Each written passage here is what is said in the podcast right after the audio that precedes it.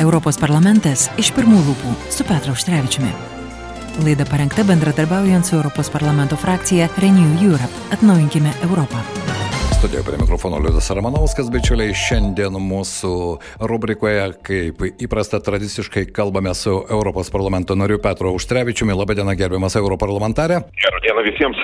Na, iš ties, metinės, krūvino karo metinės ir štai, ko gero, tie metai prabėgo labai daug. Galbūt tai šiandien mūsų pokalbėje mes galime trumpai apžvelgti vis dėlto dabartinę situaciją, kaip jums atrodo iš Europos parlamento pusės. Ir be jokios abejonės pakalbėsime ir apie dabartį, ir apie sankcijas, ir ir sankcijų pažeidimus, kurios fiksuoja ir nepriklausomi žurnalistai. Ko, kaip jūs galėtumėte įvertinti? Žinoma, visus metus apžvelgti būtų gana sudėtinga, bet situacija šiai dienai jau minėsime lygiai metus nuo Rusijos karo Ukrainoje.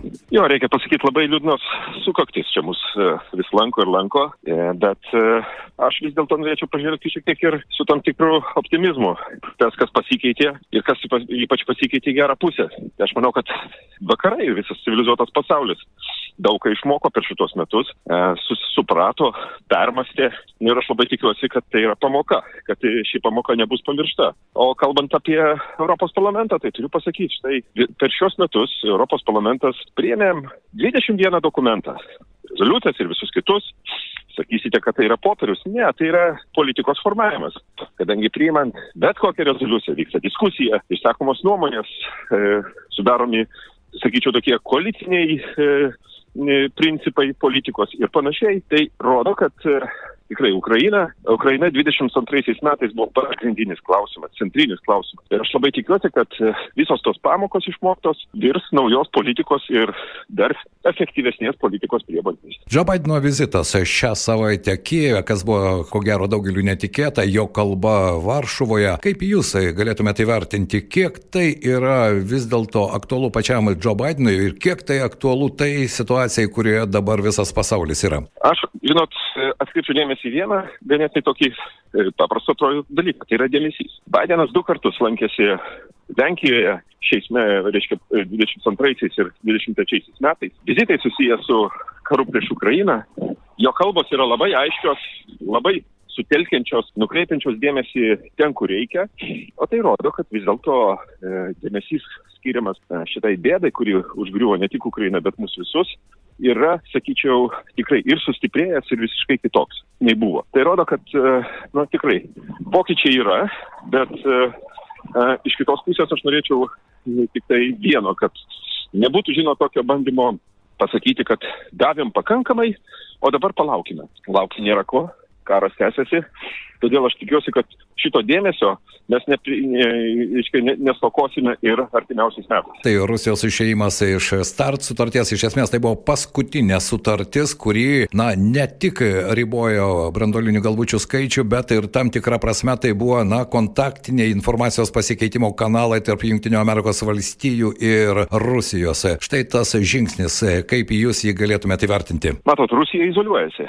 Kitaip sakant, jinai traukiasi iš, iš visur. Vienais atvejais mes ją izoliuojame ir visiškai pagristai iš tam tikrų organizacijų, institucijų, kur priimami sprendimai ir e, politiniai ir ekonominiai. Tai yra suprantamas dalykas, mes norim e, apsunkinti jos ekonomiką, jos galimybės e, tęsti šitą karą, bet Rusijos žingsnis, žinot, ji bando grasinti tuo, kur jinai dar turi tam tikrų kozirių. Na, tai iš tiesų didelė brandulinė valstybė, žinome, kaip, kaip ten viskas tvarkoma ir panašiai. E, ir bandymas dar kartą pademonstruoti savo branduolinę galę, galbūt vėl rodo, kad e, gal per daug įduodama veto teisę vienais ar kitais atvejais. Todėl aš labai tikiuosi, kad e, Rusijos vieta Junktinių tautų saugumo e, taryboje bus vis dėlto tuščia. Ir tai bus padaryta sąmoningų vakarų sprendimu.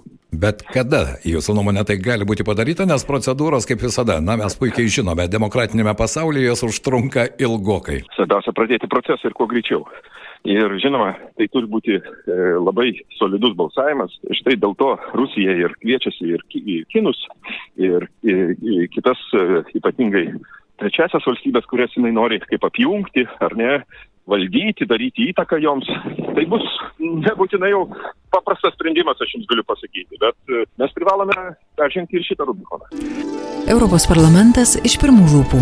Dar vienas klausimas tai yra ir šią savaitę labai plačiai žiniasklaidoje diskutuojamas, tai tarptautinių sankcijų, ES sankcijų taikymas ir tam tikros skylės, kurias mes matome ir čia, baltarusiško karbamido įvežimą į Lietuvą. Jūs, be jokios abejonės, apie sankcijų paketus diskutuojama ne kartą buvo ir Europos parlamente, bet štai ta monitoringo kontrolės sistema, kaip jūs galėtumėte įvertinti tą situaciją, kuri dabar yra ir Lietuvoje, ir ką išsiaiškino ir sienos žurnalistai. Tai, tai, kas įvyko Lietuvoje, tai yra iš tikrųjų labai skandalinga.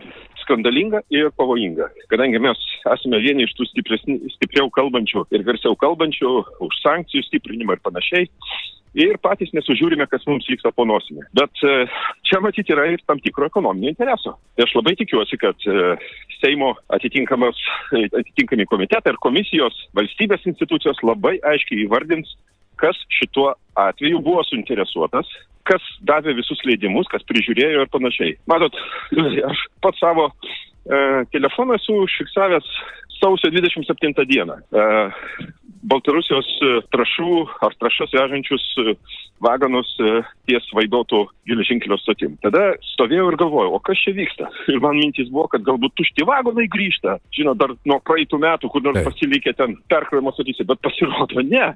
Tai man tada ir toptelti mintis negalėjo, kad čia vyksta vėl verslas kaip, kaip įprasta. Na kągi, tikėkime, kad iš tikrųjų sprendimai vienokie ar kitokie bus priimti, nors e, štai ir premjerė sako, jog Lietuva gana neblogai susitvarko su sankcijų taikymu, bet e, ko gero čia ilga diskusija. Dar vienas klausimas, kurį norėčiau paliesti ir prie kurio ko gero kovo mėnesį taip pat bus ir žiniasklaidos dėmesys Vengrijos įstatymų leidėjai, būtent mano nuomonė, kovo pradžioje turėtų balsuoti dėl Suomijos ir Švedijos prašymo įstoti į NATO ratifikavimą. Procesas irgi užtruko. Galbūt jūs Europos parlamente turite tikslesnių žinių, kokios gi ten yra nuotaikos? Tai aš negaliu pasakyti nieko gero. Štai paskutinė naujiena, kuri mane irgi savotiškai pribloškė, kad e, e Vengrijos užsienio reikalų ministras buvo vienintelis, pabrėžiu, vienintelis iš 27, kuris e, nenusifilmavo bedrame video arba, sakykime, tokiame video laiške e, palaikant Ukrainą. Tai nėra atsitiktinis dalykas. Visi turi laiko, visi gali tai padaryti,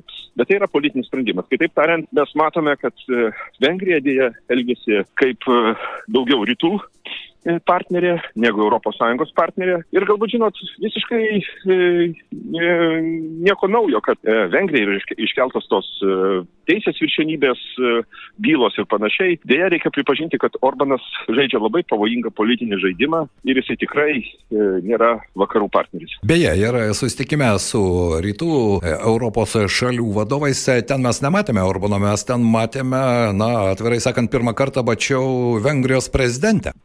Nu, jo yra toks, tokia institucija, kuri labai, beje, konstituciškai simboliška. Jeigu jos paklaus, matyti, jinai formuluotų kiek kitokią nuomonę negu nei Orbanas, bet e, Orbanas yra tikrasis valstybės šeimininkas.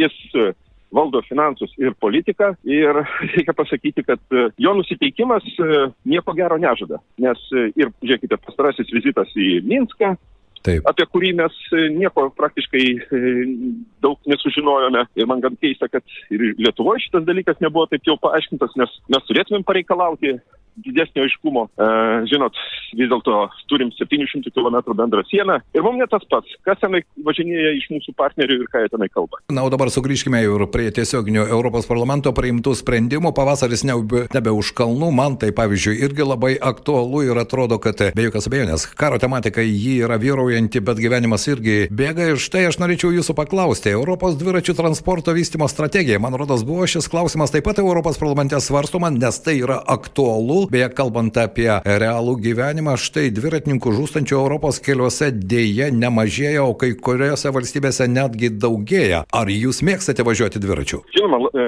ir labai, tiesą sakant, ir neringoje, ir kitur, kuomet tik tai yra galimybė, tai yra puikiai sporto, tarp kitko, ir transporto rušis. Ir kitaip sakant, sutaupai laiko ir, ir pinigų, e, išbandai save, pamatai daugiau, nes dviračiu važiuojant e, pasaulis atrodo e, visiškai kitaip. Žinoma, reikia e, plėtoti. Ir mato tą patį idėją, iš ko jinai kyla, kad e, dviračių takai nesibaigtų ties nacionaliniam sienom. Taip. Kad e, Europa būtų visa praizgyta patogiais, saugiais dviračių takais, kur e, štai turistai ar atvažiavę, ar vietos žmonės galėtų labai normaliai, pigiai ir naudingai e, keliauti, pamatyti daugiau aplinkui Tai va štai dėl to tokia strategija matyti ir reikalinga su tam tikrai žinoma finansais. Taip, jo lab, kad tai netokia jau maža ir e, darbo vietų skaičius aš nustebau, bet apie milijonas darbo vietų, o planuojama, jog per dešimtį ateinančių metų, nebejojame, kad dviračių mėgėjų padaugės, štai tokių darbo vietų, kurios dirba toje pramonės šakoje, gali netgi padvigubėti. 2 milijonai darbo vietų tai tikrai nemažas skaičius. Tai žinoma, kad taip. Tai bet kokia, galima sakyti, paslaugos arba turizmo e, sritis ar, ar darbo vietos susijęs su aplinkiniam darbo vietom. O dviračiai tai yra ir gamyba, ir jų aptarnavimas, servisas, pagaliau ir darbai įrengiant jų e, infrastruktūrą. Visą tai reikia skaičiuoti kaip indėlį į papildomą ekonominį indėlį į mūsų gerovę, į darbo vietas. Tai e, atrodytų dviračiai, bet liūdai atsiminkite, Kinija irgi pradėjo nuo dviračių. Ir pažiūrėkite, kur jinai dabar atsirado. Taip, ir vis dėlto baigiant mūsų pokalbį, sugrįžkime prie karo metinių, kur europarlamentaras Petras Auštrevičius bus rytoj, kovo e, vasario 24 dieną, kai sukaks lygiai metai, krūvino karo metai. Pats būsiu ir visus labai kviečiu į eitynės, kurios prasidės Vilniuje 16.30 nuo Ševčenkos paminklo, čia yra senamestis netoli Halės turgaus ir eisime link katedros, kur vėl vyks renginys ir paminėjimas ir žinoma, pagrindinis dalykas tai mūsų buvimas kartu su ukrainiečiais. Toks yra mūsų ženklas ir e, laiškas e,